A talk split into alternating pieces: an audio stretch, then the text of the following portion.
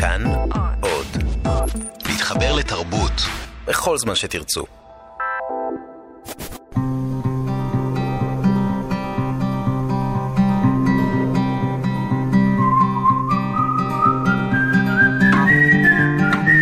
אחת פלוס חמש.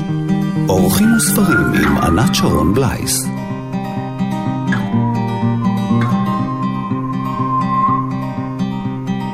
I'm the one who's sailing in the ocean full of sound and I can hear you. שלום לכם, מאזינות ומאזיני כאן תרבות, 104.9, 105.3, התדרים שלנו, וגם ברשת האינטרנט אתם יכולים למצוא אותנו היום השישי. ושוב, אני עם אורחת אה, כאן באולפן שהגיעה עם חמשת הספרים הכי הכי אהובים. אני הולכת איתה אחורה וגם לצדדים מהספרים הישנים, שאת חלקם אה, קראנו ושכחנו מהם, על אחרים אולי שמענו אבל לא טרחנו. בקיצור, קצת אה, נוסטלגיה בריאה, והיום האורחת שלי היא הסופרת והמשוררת תהילה חכימי. שלום תהילה. שלום, בוקר טוב. ספר חדש יש לך, חברה, שראה אור בהוצאת אה, רסלינג בסדרת מעבדה שעורכת נעמת צל וגם עודד וולקשטיין, ערך את הספר שעוסק אה, במקום שלנו, בני האדם העובדים, האנשים העובדים, בתוך עולם העבודה, בתוך הארגון. והזמנתי אותך לדבר על חמשת הספרים שהכי אהובים עלייך.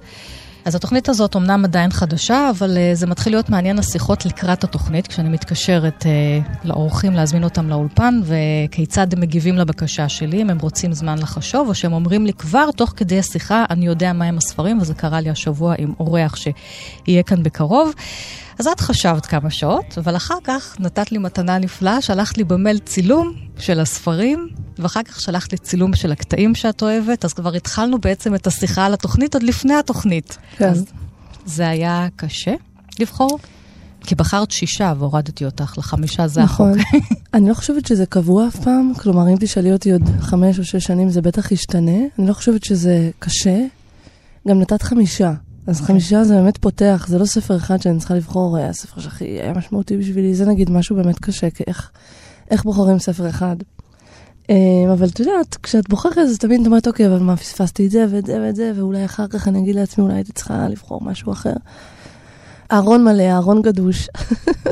אז בחרתי. בחרתי את אלה שרק, אה, שככה קפצו לי ישר לראש. אז אני אומר למאזינים שפגשתי אותך לפני כמה שנים לשיחת רדיו כשיצא הספר הראשון שלך, ספר השירה "מחר נעבוד". אני זוכרת שקראתי בו והאמנתי לך. עכשיו, מה זאת אומרת האמנתי לך? כי כתבת על כל מיני אנשים ודמויות במקום העבודה שאת חלקן את מכירה, ב-open space, שבו אין פרטיות, ופתאום איזושהי אישה או גבר, ככה, את יודעת, משהו מנמיך את נפשם והם רוצים רגע אחד להסתתר או להשיב את הנפש ואין להם. או על מנהלים שלא מתייחסים או מתעמרים, וכמובן על היחס לנשים, וזה בספר הראשון שלך וגם בספר החדש.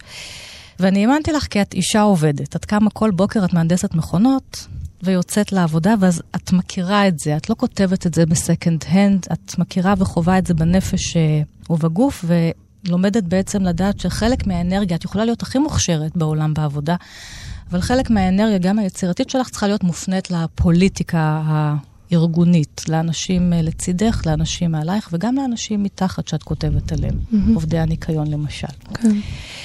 אז אה, נתאפק עם הספר שלך. נתחיל עם הספר הראשון שאת אוהבת, ואחר כך נעבור ל... לחברה. הספר הראשון שבחרתי זה ספר של אה, נטליה גינצבורג. אמ, ככה זה קרה, זאת נובלה. נטליה גינצבורג, ספרית איטלקיה, אה, כתבה הרבה על פשיזם באיטליה, העולם, העולם שלה בין שתי המלחמות, הרבה על משפחה. הרבה הרבה כותבת על משפחות, את הפקים, את הניואנסים הכי קטנים היא יודעת אה, ממש. לתאר. אמ, ובאמת היא אחת הסופרות האהובות עליי, אמ, ואני אקרא ממש אמ, מההתחלה, של ככה זה קרה.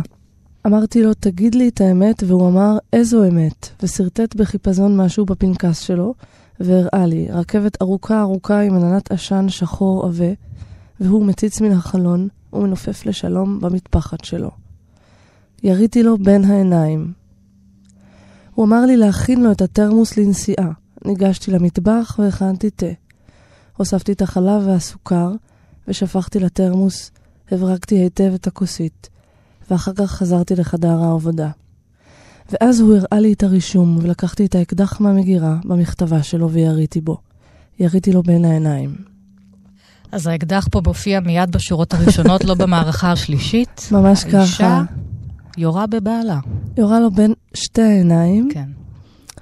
אה, ומה שהדהים אותי כשקראתי את הספר הזה, זה שלמרות שה, ש, שהאקדח באמת, לא רק שנשלף, גם יורה בפסקה הראשונה, אז המתח אה, או העניין בסיפור שהיא פורסת אחר כך. כי היא בעצם הולכת אחורה. היא הולכת כל הזמן אחורה. ירתה בו. וגם, אבל לא רק להבין, בעצם, היא מספרת על מערכת היחסים שלהם, על החיי הנישואים האלה שלהם, שזה אחרי נישואים, היא ממש הולכת להתחלה, ויש שם איזה אהבה או איזה אי-אהבה. אה, אהבה שהאישה מרגישה כלפי הגבר, ושהיא לא, לא מקבלת אותה בחזרה בעצם. ואני חושבת שמה שהכי תפס אותי בספר הזה, זה לנסות להבין מה יותר גרוע, לאהוב מישהו שלא אוהב אותך בחזרה, או לא לאהוב מישהי שאוהבת אותך כל כך הרבה. כאילו, לא, לא, לא, לא הייתי בטוחה מה יותר אכזרי, כלפי עצמך, או גם אולי כלפי בכלל הזוגיות. ואני חושבת שזה מה שהיה לי הכי חזק בספר הזה, מעבר אה, לפסקה הראשונה הזאת, שבאמת תפסה אותי מהרגע הראשון. כן, כן, זה ספר שאת קוראת את הפסקה הראשונה וזה תופס אותך, וזה מעניין גם כי בהקשר באמת של הימים האחרונים ושל המחאה על רצח נשים בלתי פוסק אה, בישראל, אז יש כאן מקרה כמעט חריג של אישה שעל רקע רומנטי הורגת את בעלה. כן. ולא הסיפור השכיח. כן, כן. וגם זה מעניין, והיא, ו, ואת מזדהה איתה, הגיבורה רוצחת. היא גיבורה שלילית לכאורה. לח, לחלוטין, אבל גם את לגמרי הולכת איתה בכל הנפתולים האלה של הכאב שלה. כן. אבל אני לא, לא רוצה לעשות ספוילרים, כאילו. כן, לא נעשה ספוילרים. פשוט באמת, מי שלא קרא, זה לא, זה לא ספר חדש, זה ספר שבטח תורגם... אה, ראה אור בהוצאת הספרייה החדשה. אני רואה פה לפני 15 שנה כמעט, ב-2005. כן. כך זה קרה, נטליה גינצבורג, ויש כן. לה עוד לא מעט ספרים שראו אור בעברית, וכולם כולם מומלצים, זה באמת, זאת באמת אחת הסופרת היותר חכמות ומרתקות uh, שיש. נשמע שיר ונמשיך. Sun in the sky, you know how I feel. Breeze drifting on by, you know how I feel. It's a new dawn, it's a new day. It's a new life for me, yeah. It's a new dawn, it's a new day. It's a new life for me. Ooh, ooh, ooh, and I'm feeling good.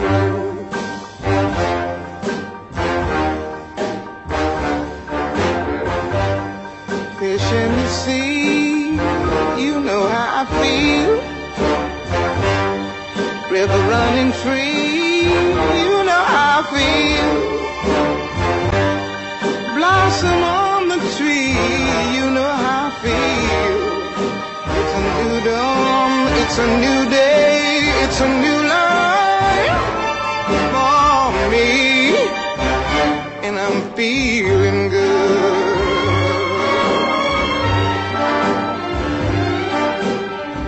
Dragonfly out in the sun, you know what I mean, don't you know?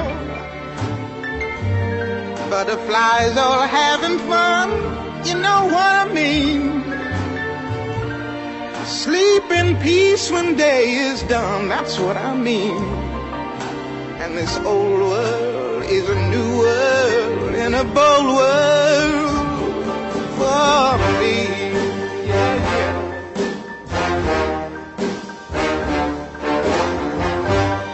Stars, when you shine, you know how I feel. Scent of the pine, feel.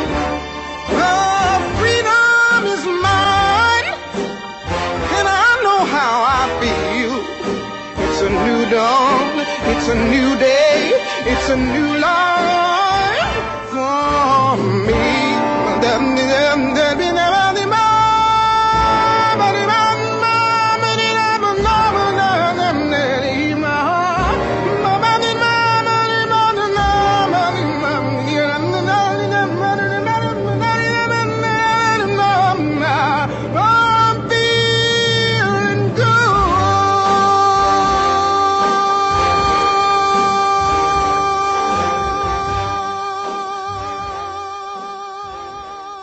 נלך מהיריעה של אה, נטליה גינזבורג ל open space.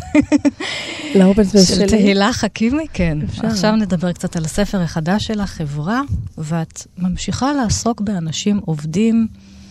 בין הראשונות שכותבות על זה, אנחנו תכף נדבר על מישהי שהקדימה אותך, אבל בין הראשונות שכותבות על זה גם חושפת את מה שקורה במקום העבודה. עכשיו, זה דבר חשוב, כי פה דיברנו על בית, על משפחה, אבל סך הכל, רוב היום, מרבית האנשים. נמצאים בעבודה עם האנשים שהם לא המשפחה, שהם לכאורה זרים או מנוכרים, אבל הם סוג של משפחה אלטרנטיבית. כן. אז איך כותבים על עבודה? המ- הכפילות, הקריירה, הקריירה הכפולה שלי מאפשרת לי איז- איזושהי עמדה או איזושהי נקודת מבט שהיא מאוד פנימית, ואז אמ, אני חשופה, אני, אני מרגישה את הדברים, אני רואה את הדברים, אני חווה את הדברים, אז אולי זה נותן לי איזושהי נקודת פתיחה מסוימת. אבל אמ, את האמת, אה, את הספר הזה, כשהתחלתי לכתוב, אמ, רציתי פשוט באמת להראות את הדבר הזה, מה שאת דיברת עליו עכשיו, על זה שבעצם רוב היום אנחנו נמצאים בעבודה. רוב החוויות שלנו בחיים הן חוויות שהן בתוך מקום העבודה. מערכות היחסים שאנחנו מנהלים רוב שעות היום זה עם אנשים בעבודה. כל החוקים שפועלים עלינו במערכ... בתוך מסגרת של עבודה. אמ, ואיסורים ולחצים. ורציתי לנסות לכתוב ספר שבאמת מביא לידי ביטוי את, ה...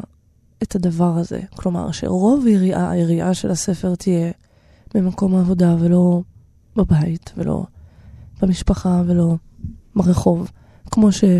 כמו שבעצם קורה בחיים. ובאופן טבעי את גם נותנת מקום לנשים. Mm-hmm. האישה עובדת, האישה בחלל עבודה, גם הגוף של האישה בחלל העבודה, וגם למי שנמצאת אה, אולי במקום הנמוך ביותר בהיררכיה של מקום העבודה, עובדות הניקיון, שבדרך כלל זה עובדות ניקיון. אני אשמח אם תקראי קטע מן הספר. הוא מורכב משלוש נובלות, אה, הראשון זה אישה בחלל קוראים לו, אבל או שהיא בחלל או שהיא בחלל עבודה, זה כמובן דו-משמעי.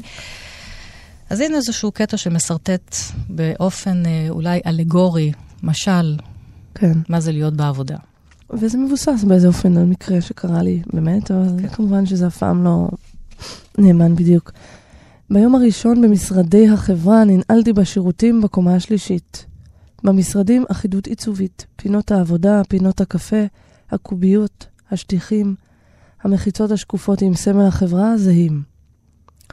בחודשים הראשונים, היציאה מהקובייה הייתה דומה ליציאה ממבוך. מהמבוך שתי אפשרויות יציאה, אל חדרי המדרגות או אל פינות הקפה.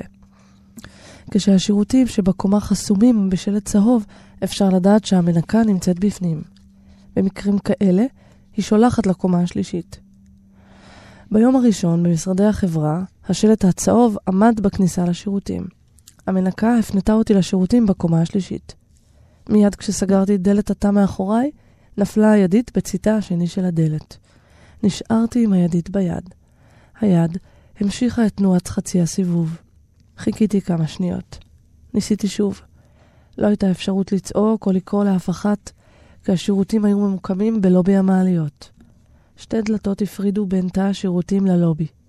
שלוש דלתות סך הכל בין התא החסום לבין משרדי ההנהלה של הקומה השלישית. אחרי כמה זמן קבע האור האוטומטי. מיששתי את הקירות. לא היה מתק בתוך התא.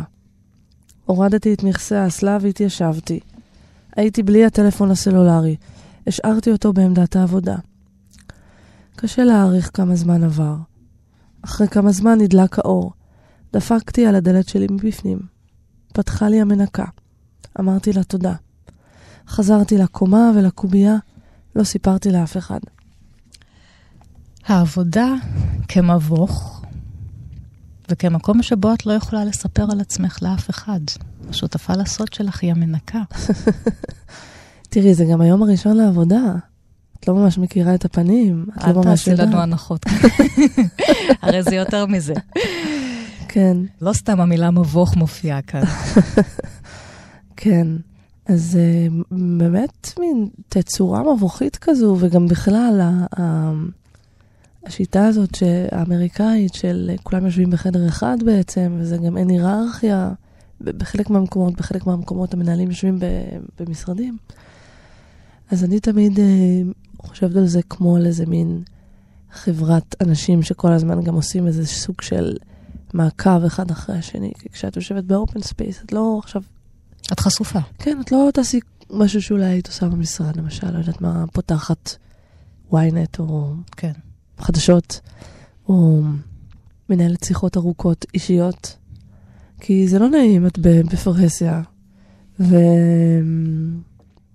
לעבוד, ממשיכה לעבוד. מין כוורת כזאת. כן. אז uh, חברה, uh, אנחנו ניגע בזה עוד בהמשך. ספר חדש של תהילה חכימי, נשמע עוד שיר ונמשיך. בוקר טוב לכל המאזינים, לכל המתעמלים מכאן. wszystkiego dobrego. ועכשיו אנחנו נשיר שיר בשביל שיהיה לנו בוקר טוב.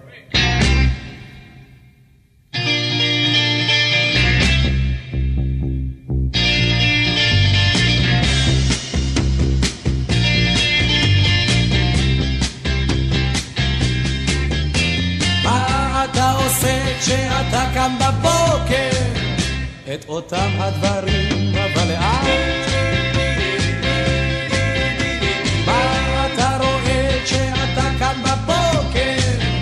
ברובם אני לא מוצא אותה, אני לא מוצא אותה.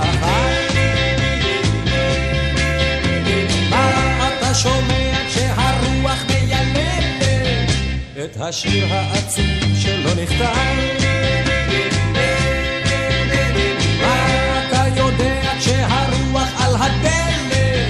שנמאס לי כבר לשמוע על הסתם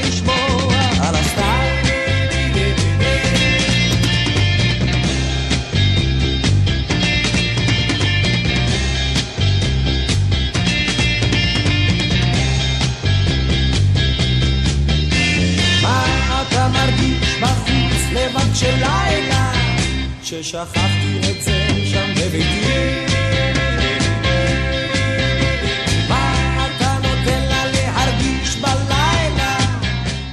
הזכרתי קודם איזושהי כותבת שכתבה, התחילה באמת אולי פה בארץ בכלל את הנושא הזה על כתיבה, על עבודה באופן אה, מובהק, אולי ב, בעשור, שניים האחרונים. כמובן שהיו עוד אנשים, סופרים או משוררים שכתבו על זה בדרכים אחרות, גם מוקדם יותר. יהודית שחר, עם הספר שירה שלה, זו אני מדברת. נכון. ספר השירה שאת בוחרת, הספר השני שלך כאן בתוכנית. כן. מתי פגשת אותו?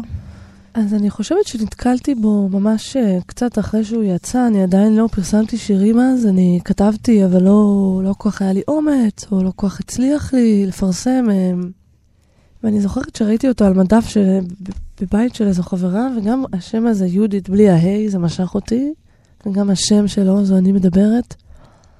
ואז ברגע שקראתי את השיר אה, אה, על הגב, שאני גם עוד מעט אקרא אותו, או שמישהי מאיתנו תקרא אותו, היה בזה משהו פשוט כל כך אחר, והיה בזה קול שאף פעם לא, לא שמעתי.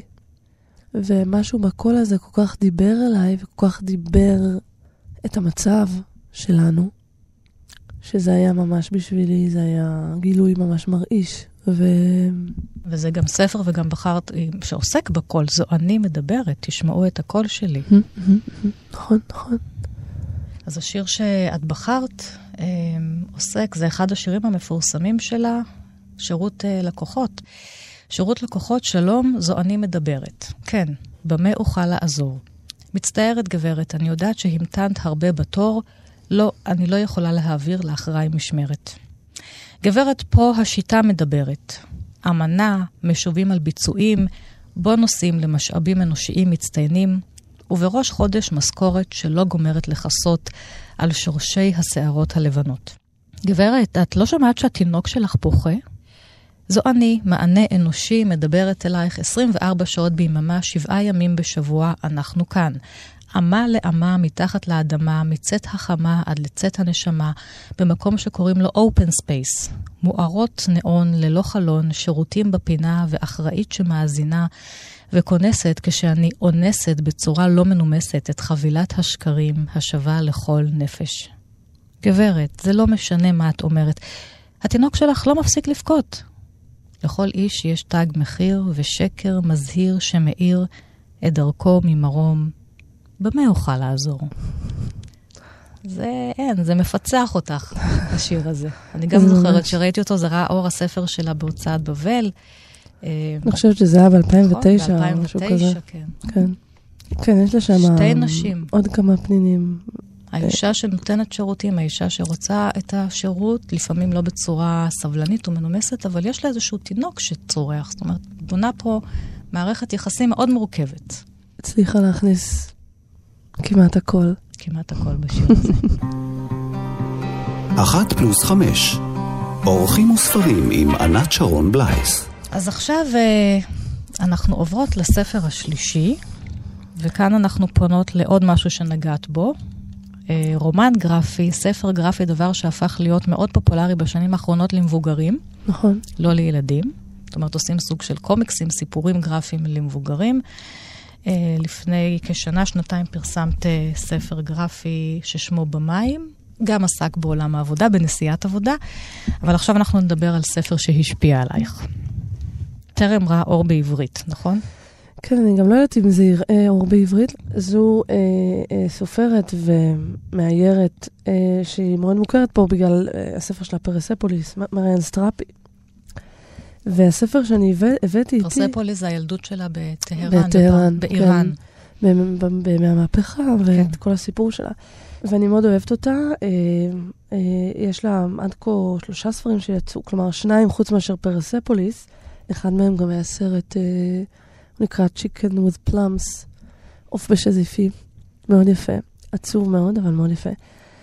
אה, והספר שאני הבאתי זה ספר שנקרא Embroideries. זה בעצם משהו כמו רקמה או רקמות. כן. זה פשוט, אפשר לומר שזה כמו ממואר אה, שמספר על שיחת סלון אחת אה, בינה לבין אה, אנשים במשפחה שלה. היא מתארת איך תמיד ב- בסוף הארוחה הגברים פורשים אה, לעישון והנשים אה, אה, מביאות את הסמובר עם התה. אה, ואז נשים פורשות גם הן לחדר משלהן, ואז הן מתחילות פשוט אה, אה, לדבר על העניינים שלהן, לפעמים לרחל על הגברים שלהן, ועל מה שהם מצליחים או לא מצליחים לעשות במיטות שלהם, וכל מיני כאלה דברים, אבל מעבר לסיפור שכמו תמיד אצלה הוא מצחיק, והציורים שמלווים, גם יש בהם תמיד משהו עצוב מצחיק כזה. היכן היא חיה היום? ב- אני חושבת שהיא חיה בפריז, אה, מאז עוד. אה, כן. אחרי המהפכה, וזה כן. מאוד אבל נטוע בתוך התרבות, אה, כן, כמו שאמרת, כן. סמובר, שזה אחד הסממנים, גם אגב של תרבות רוסית וגם שלהם, שזה התה הזה, גם בימות הקרה, ארץ עם הרבה הרבה שלג וקור בחורף, כן. ומוזגים את התה החם. אז איזשהו קטע קטן משם. ולבחור אולי פשוט אני באמת אקרא את פסקת הפתיחה, ככה ניתן איזשהו טאץ'. אז ב- בעמוד הראשון רואים אותם יושבים עדיין כולם סביב השולחן, ומישהו אומר, It was really delicious, thank you. ו- אה, ואז היא אומרת, My grandmother called my grandfather Starapi, never by his first name. She said, one must respect one's husband. After lunch, the men left as usual to take a nap, and the rest of us, the women, started to clean up. נראה לי שזה מספיק בינתיים. נצא לנקות, הפסקת ניקיון. תהילה ואני בהפסקת ניקיון.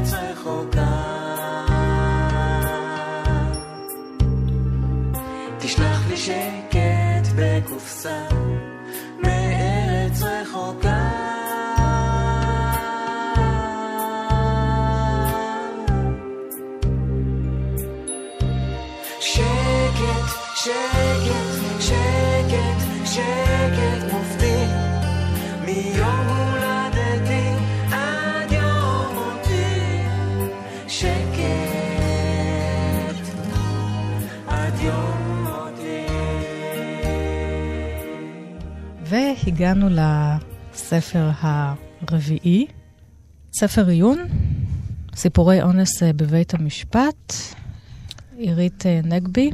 כן. גם הספר הזה, אני רואה ככה מאוד מאוד משומש אצלך. יש לי אותו כבר שנים, את האמת, אבל um, היה לי מקרה עצוב של מדפים מתחת לחלון, ואז. המון ספרים שלי נרטבו, אבל uh, לא, לא, ויתר, לא ויתרתי עליו עדיין. ייבשתי אותו.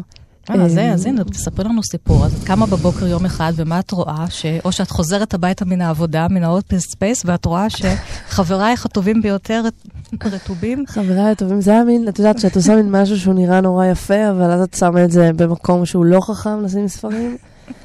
את האמת, זה אפילו לא קרה בבת אחת, זה היה כזה אט-אט כזה, מין, אה, אולי אפילו מה, מהטל שנכנס מהחלון. ואז אחרי כמה זמן אני פתאום רואה את, ה, את הגליות הזאת של הדפים. היו כמה ספרים שממש נהרסו, אבל אה, זה לא. אה, וזה באמת אה, ספר שאני חושבת שאחרי שקראתי אותו, זו הייתה פעם ראשונה בחיים שלי ששאלתי עצמי איך אני חיה במדינה שזה החוק בה.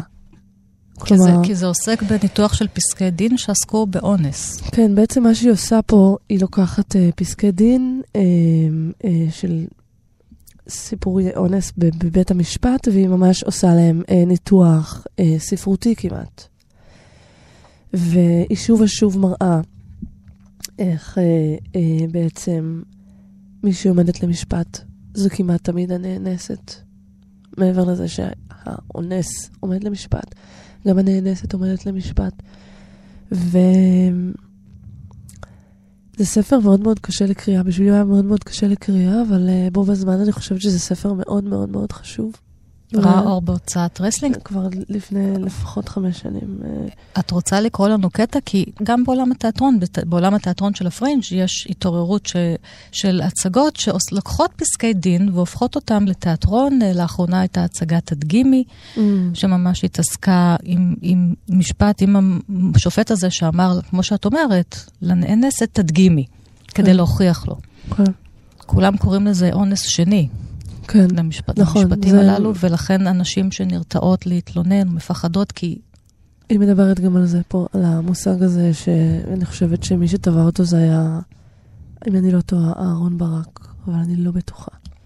אז היא מדברת פה גם, היא מדברת על כל מיני סוגים של אה, הפשע הזה, האונס. כלומר, היא מדברת גם על אונס שהוא בתוך המשפחה. אה, כלומר, בין בני זוג, בין בני בעל ואישה. כן. וגם אה, בכל מיני מגזרים. אבא אה, וילדים. כן, זה ספר מאוד קשה. אבל אני דווקא אקרא קטע ממש מההתחלה, שזה גם, אה, אה, זה פשוט מטורף לחשוב שרק בשנת 2001 נעשה התיקון הזה. אז אני אקרא ממש פסקה קצרה על יסוד האי-הסכמה. התיקון המשמעותי ביותר בעבירת האינוס הוא תיקון מספר 61 משנת 2001. תיקון זה מבהיר כי די בכך שהאישה לא הסכימה למגע המיני כדי להפוך אותו לאסור. סעיף 345א1 לחוק העונשין בנוסחו הקודם קבע, הבועל אישה שלא בהסכמתה החופשית עקב שימוש בכוח, הרי הוא אונס. הגדרה זו כללה הן את יסוד אי ההסכמה מצד הנאנסת והן את יסוד השימוש בכוח מצד הנאשם. והפסיקה נהגה לפרשם כשני יסודות מצטברים.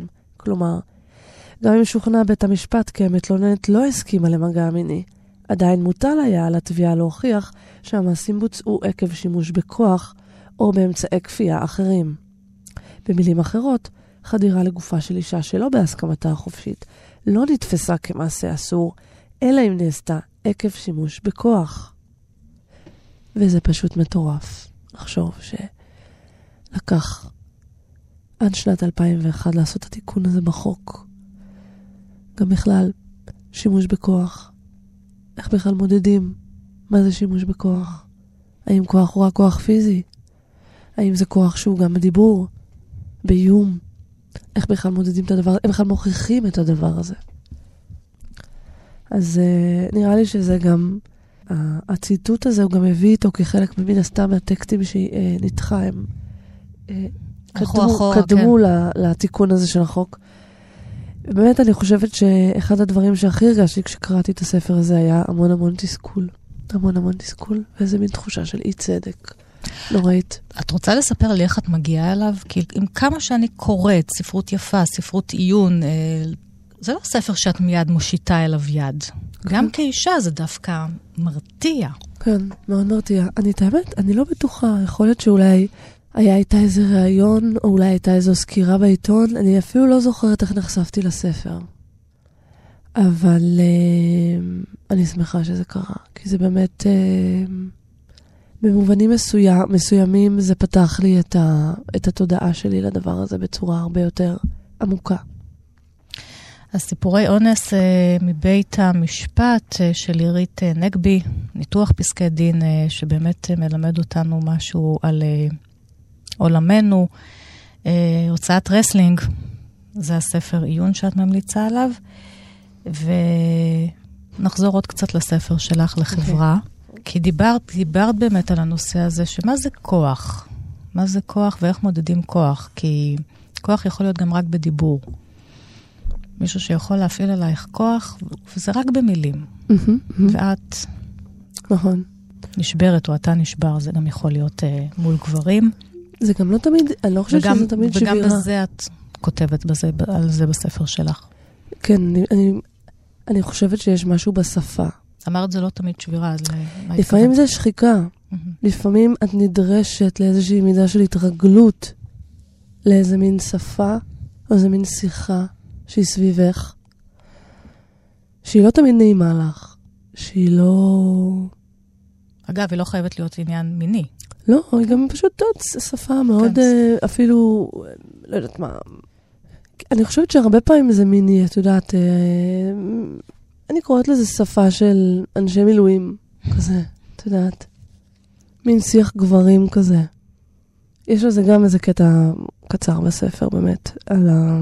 כי בתוך המקצוע שלך, כמהנדסת מכונות, אז זה גם מקומות עבודה שמן הסתם יש uh, יותר גברים, יש יותר ויותר נשים בשנים האחרונות, אבל עדיין את יכולה למצוא את עצמך בסביבה שכולם גברים, או שאת מגיעה לישיבות, כולם גברים, ואת האישה היחידה. נכון. דיברנו על זו אני מדברת, איך תהילה מדברת במקום כזה שכולם באמת החבר'ה מהמילואים ומהמסטינג. אז תראי, לפעמים, קודם כל, לפעמים זה בסדר, את לא נדרשת לעמדה הזו. אבל לפעמים את צריכה, כן, צריכה למתוח את הקו, את צריכה להגיד, סליחה, זה לא מתאים לי שידברו לידי ככה, או ככה. אמ, אז את עושה את זה הרבה פעמים, לפעמים גם אין לך כוח, את מקווה שאולי מישהי אחרת תגיד משהו, או מישהו אחר יגיד משהו. לפעמים זה קורה. לפעמים לא. זה נקרא באמת קטע קצר. בישיבה הטכנית היו פחות משתתפים מבדרך כלל. בתוך שטף הדיבור הכללי, המהנדס הבכיר קטע את עצמו. שאל, מי מסכם את הישיבה? הוא ניהל את הישיבה. הסתכל עליי, הסתכלתי עליו חזרה בלי למצמץ. המשיך, אמר שאנחנו כבר בהיריון. הפרויקט כבר התחיל, אנחנו באיחור וחייבים לזוז מהר. הסתכל שוב על מנהל הפרויקט ואמר לו שצריך לזכור טוב טוב את מקרה הדמו. צחק. בסוף, במזל, הצלחנו לאנוס את המכונה לעבוד, אמר. אחרי הכל, הדמו דפק כמו שעון שוויצרי. כולם צחקו, כי המנוע באמת היה שוויצרי. וזאת השפה בעבודה. הרבה פעמים, כן, הרבה פעמים. אמ, רציתי עוד לומר, אגב השפה, שבסופו של דבר אמ, יש פה ב- באישה בחלל העבודה אה, עיסוק בבורג. אז מצד אחד לא להפוך להיות אה, בורג במכונה, במכונת הארגון, ומצד שני, מה שאת כמהנדסת צריכה לחלץ, או הגיבורה שלך, זה איזשהו בורג תקול שדופק את כל המכונה לקראת איזושהי פרזנטציה. נכון. והאישה מצליחה לחלץ את הבורג. אז זה עוד, אה, עוד איזושהי שכבה בספר שלך. תקראו את הספר הזה, חברה של תהילה חכימי, לכל כך הרבה אנשים. אתם עובדים יותר או פחות במקום כזה או אחר, הוא כל כך רלוונטי, ותחשבו רגע על האנשים אה, שמסביבכם, שאיתם אתם אה, בעצם נמצאים, מבלים את רוב היום, אולי ל- לחייל, לדייק מחדש את השפה.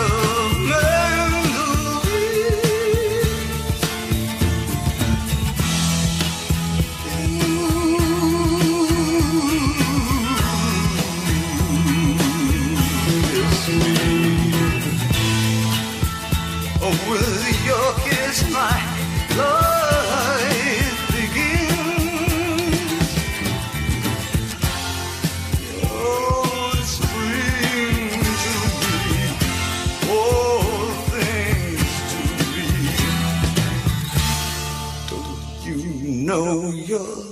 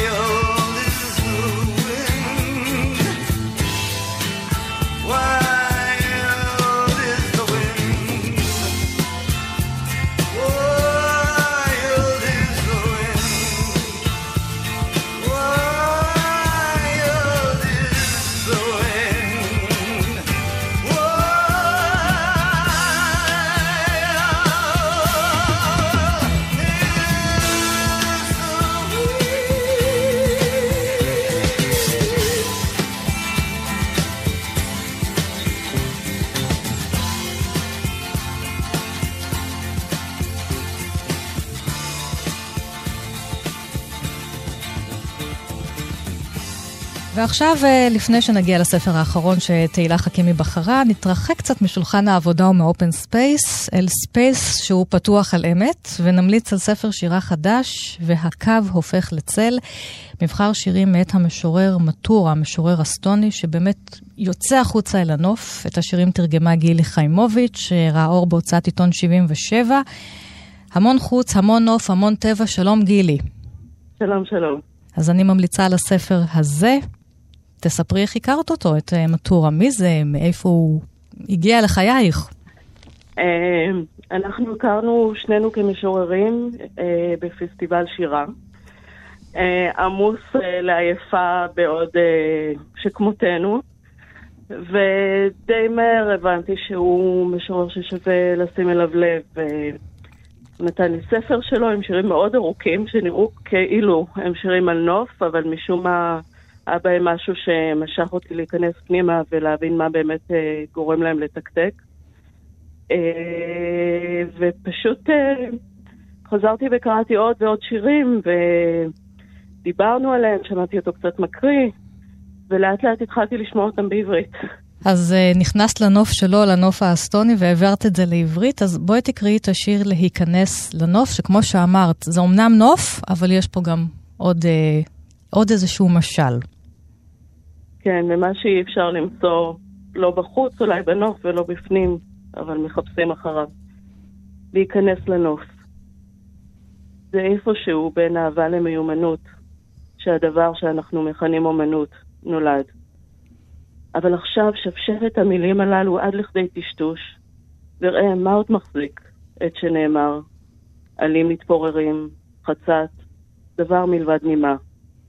כל השאר הוא הענקה, מתנה, חזון שמעולם לך עוד לא נגלה, בוסתן צעיר מתגלה בברודיו בזריחה, עקר ועם זאת כל כך מלא תקווה, נוף ממתין למשמעותו, העין בשלה, עם צמא בלתי ניתן להכחשה.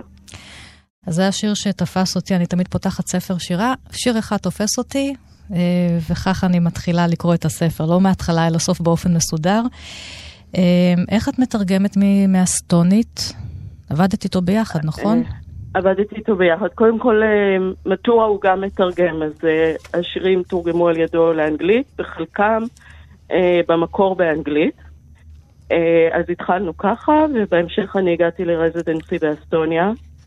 וישבנו עם השירים, גם הסתכלתי עליהם וגם הוא הקריא לי בזמן שאני מסתכלת עליהם. ואז הצבעתי על כל מיני דברים שעלו לי, וגם דיברנו על הפערים, אבל גם על המשאבים שכל שפה מעניקה, כלומר האנגלית, העברית והאסטונית, שלמשל בין העברית לאסטונית יש קווים שמחברים שאין עם האנגלית. כל מיני צלילים גרוניים, השימוש בפעלים שיכולים להפוך למשפט שלם בעצם, של נושא, נשוא וכדומה. אז בעצם השתמשנו בשלושת השפות. אז זה מאוד מעניין, יש שם גם שירים של התבוננות באומנות, למשל על מרק רוטקו, שיר, שיר מאוד מאוד יפה, הצייר האמריקאי היהודי שהתאבד, ועוד ועוד שירים, ספר מומלץ, מאוד מעניין, והקו הופך לצל, המשורר האסטוני מטורה, גילי חיימוביץ', המשוררת, תרגמה בהוצאת עיתון 77. ואני אשמח להגיד שמטורה עצמו יגיע להשקה של הספר ב-28 לפברואר בנווה שכטר, זה מקום מקסים בנווה צדק. אני אשמח לראות אתכם שם, תהיה לכם אפשרות לשמוע אותו מקריא בעצמו, ועוד אה, רבים אה, וטובים מאיתנו שיצטרפו וידברו על הספר. תודה גילי, להתראות. תודה רבה, להתראות. אחת פלוס חמש, אורחים וספרים עם ענת שרון בלייס. הספר האחרון, אנחנו באמת חוזרות אחורה, אחורה בזמן. אז um, הבאתי את תהילה של uh, עגנון, שזה ספר שבשבילי הוא... ש- שני, שתינו עם עותקים מרופטים כאלה. בשבילי באמת הוא ספר uh, uh, שהתחלתי לקרוא אותו ממש מגיל צעיר, כי בעצם הוריי נתנו לי את שמי בעקבות תהילה, העגנונית. וזה מין uh, ספר שאני מנהלת איתו יחסים uh, ארוכי שנים, כי אני כל פעם חוזרת וקוראת בו, uh, וכל פעם אני מוצאת בו דברים אחרים, בכל קריאה. אני חושבת באמת שקראתי אותו, אני לא יודעת, אולי עשרות פעמים. וגם השם הוא לא היה לי קל, כלומר, זה שם קצת כבד לילדה. ובכלל, בפעם הראשונה שקראתי אותו, והבנתי שמדובר באישה זקנה אחת שהייתה בירושלים, אז בכלל... מין שם, לתת לתינוקת, אישה, שם של זקנה, אני חושבת שהיא בת איזה 104 או משהו בספר. אבל זה באמת אה, סיפור מושלם, הסיפור המושלם של עגנון. ואני אקרא גם ממש קטע מתוך ההתחלה. עד שלא יצאתי מירושלים, לא הכרתי אותה. משחזרתי לירושלים, הכרתי אותה. והאח לא הכרתיה קודם. האח, אתם לא הכרתם אותה עד עכשיו. אלא כל אדם נועד לו להכיר את מי שיכיר ובאיזה זמן יכיר אותו ובאיזו סיבה יכיר אותו. באיזו סיבה נתוודעה לי? מעשה, והלכתי לבקר חכם אחד מחכמי ירושלים, שהיה דר סמוך לכותל המערבי, ולא מצאתי את הבית. מצאתי לאישה אחת באה בפח מים ושאלתי אותה. אמרה לי, בוא ואראך. אמרתי לה, אי את צריכה לטרוח. אמרי לי היכן, אפנה ואלך לי. חייכה ואמרה לי, מה אכפת לך אם זקנה זו תזכה במצווה? אמרתי לה, אבל תני לי פח זה שבידך. חייכה ואמרה, למעט את המצווה שאתה מבקש. אמרתי לה, לא, למעט את המצווה אני מבקש, אלא למעט את טרחתך. נראה לי אני אפסיק גם עם, הצינון ועם הגנוניות, זה קצת... אבל uh, מעבר לנפתולי השפה ובאמת לעברית העגנונית היפהפייה, אני חושבת שגם הרעיון הזה של לצאת ולחזור, כאילו לצאת כדי לחזור ואז כדי למצוא את מה שעדיין לא מצאת. אני חושבת שזה גם מאוד אה, איזה מין טיפ לבן אדם הכותב, כאילו בסדר, הנח לזה, תעזוב את זה, תחזור, תמצא את מה שחיפשת, אולי בכלל החיים. וגם אה, שתי הזקנות, אותה הזקנה עם ה... ש... שאליה בעצם הוא אמור להגיע, להביא לה את התנור, בשליחות שהוא נשלח בה, ולעומתה תהילה. בקיצור, אני גם חייבת להגיד שזה באמת סיפור שכל פעם שאני קוראת אותו, אז אני לומדת משהו חש... חדש, ואז אני אומרת, רגע, אבל אם רק עכשיו הבנתי את זה, אז אולי לא הבנתי עד עכשיו שום דבר. סיפור חיינו. כן. אבל זה מה שיפה, אני חושבת, בספרים uh, של עגנון, ואנשים uh, סופרים או סופרות דומים לו, שכל פעם כשאת קוראת, פתאום את רואה משהו חדש, זה, זה באר עם עומק אינסופי, ואת לא הבנת אולי משהו, ואת מבינה משהו שזה גם קשור לגיל. וזה גם ספר על כתיבה, כי הוא, הוא כותב את סיפור חייה כדי לעשות איזשהו תיקון mm-hmm. על uh, הבטחה של שידוך שהופרע. Mm-hmm.